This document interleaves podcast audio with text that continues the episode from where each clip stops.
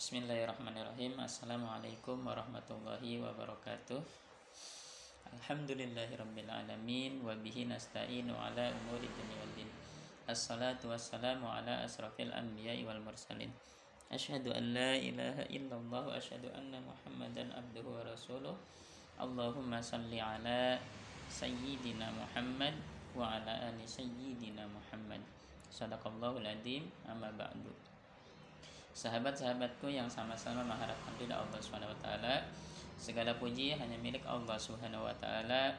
Segala zat yang Maha Ghafur, zat yang Maha Syukur yang telah memberikan beribu-ribu nikmat yang tidak terukur. Nikmat iman, nikmat Islam, sampai nikmat sehat walafiat sehingga kita bisa berkumpul di tempat yang insya Allah diberkahi oleh Allah Subhanahu wa taala. Amin ya rabbal alamin.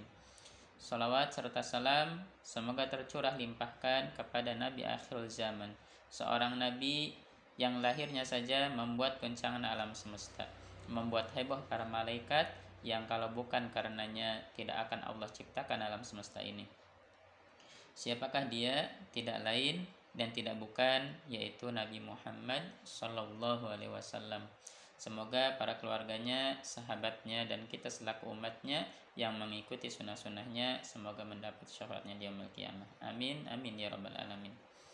Sahabat-sahabatku yang sama-sama mengharapkan dari Allah SWT Alhamdulillahirabbil alamin.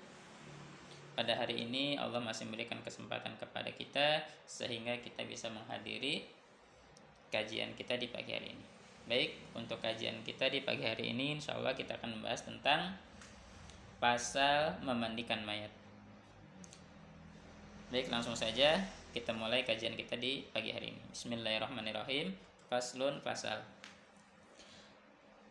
Aqalul gusli ta'mimu badanihi bil ma'i wa akmaluhu ay yagsila sawataihi wa an yuzila wa an yujilal qadara min anfihi. Wa an yudiahu wa an yadluka badanahu.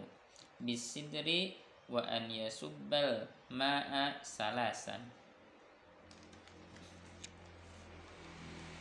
Memandikan mayat itu minimal membasahi seluruh badan membasahi seluruh badannya dengan air dan paling utama ialah mencuci lubang belakang dan depannya menghilangkan kotoran dari hidung mewudui menggosok badannya dengan pohon bidara atau sabun, kapur dan cendana dan membasuh badannya dengan air tiga kali.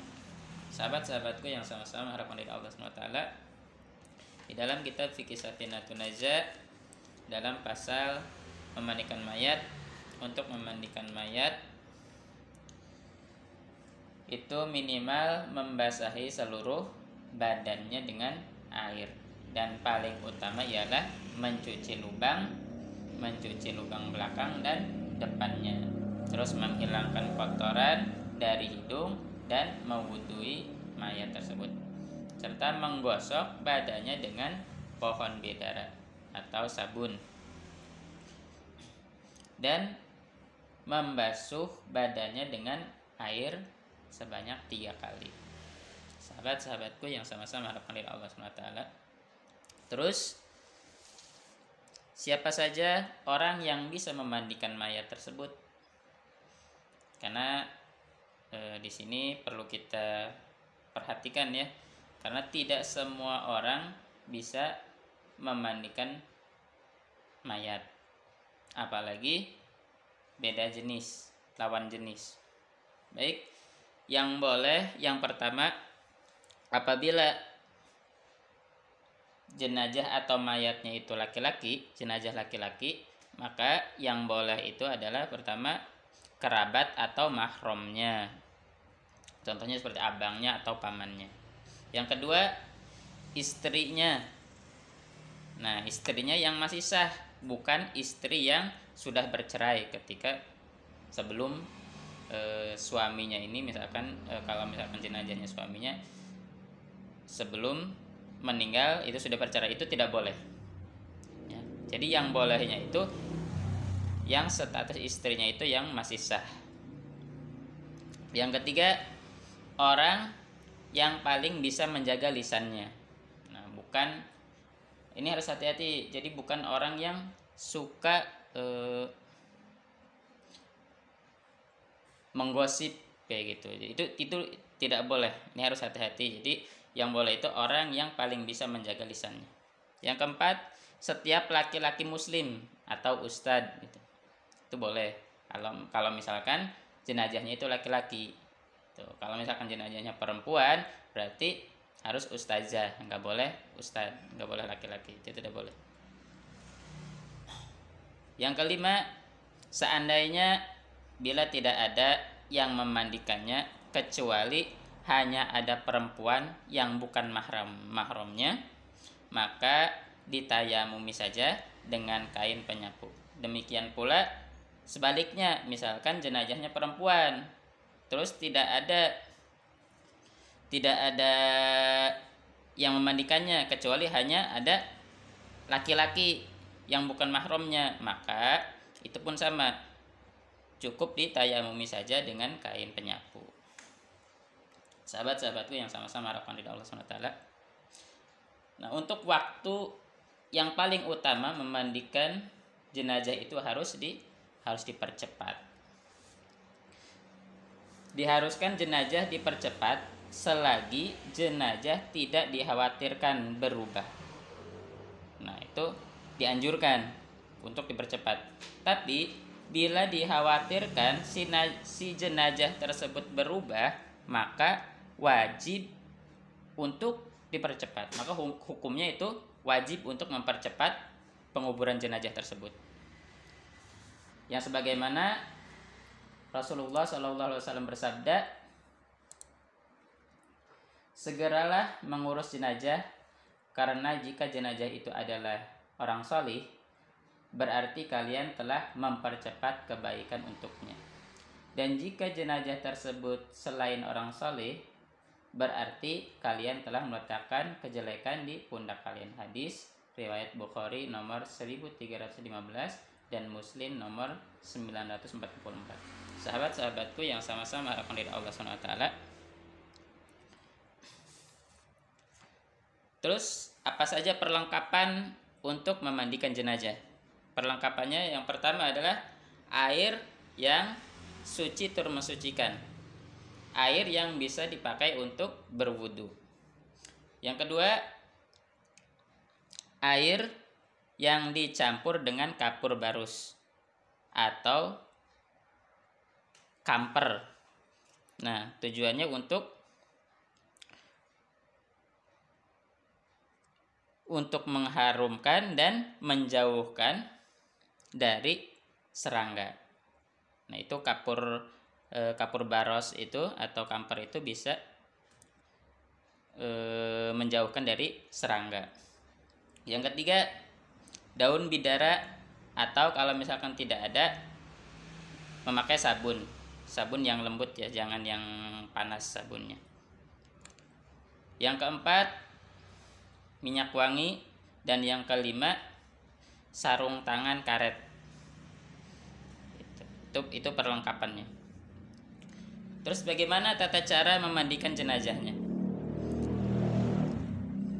Yang pertama meratakan air ke seluruh tubuh. Yang kedua membersihkan najisnya.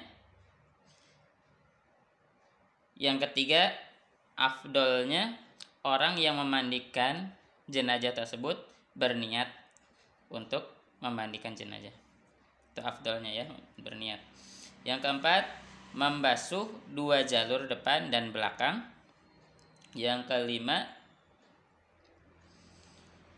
menggosok seluruh tubuh dengan daun bidara atau sabun. Nah, untuk menggosoknya ini harus dengan kelembutan ya, tidak boleh asal menggosok. Jadi, untuk mengurus mayat itu harus lembut. Harus berhati-hati, harus dengan kelembutan. Tidak boleh kasar. Kasihan mayat. Yang keenam,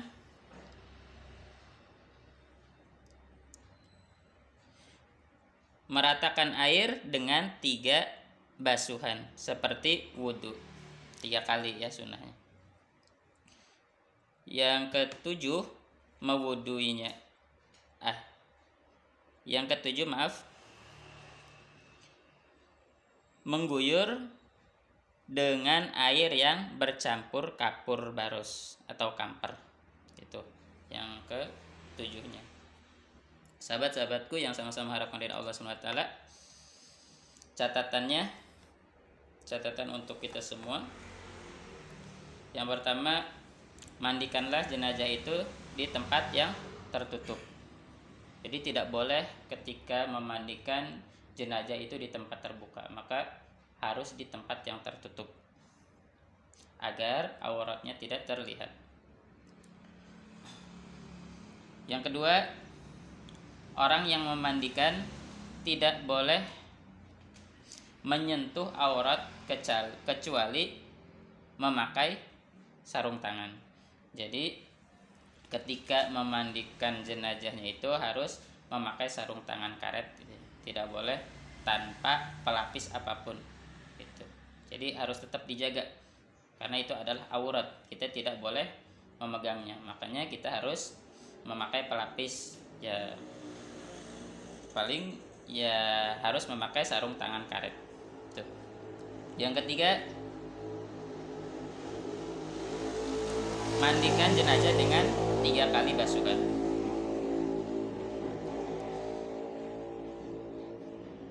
sahabat-sahabatku yang sama-sama mengharapkan dari Allah SWT yang keempat bila kuku jenazah kuku jenazah maaf yang keempat kuku jenazah makruh untuk dipotong kecuali kecuali sangat panjang si kuku jenazah tersebut kecuali sangat panjang maka bila kita potong itu tidak akan makruh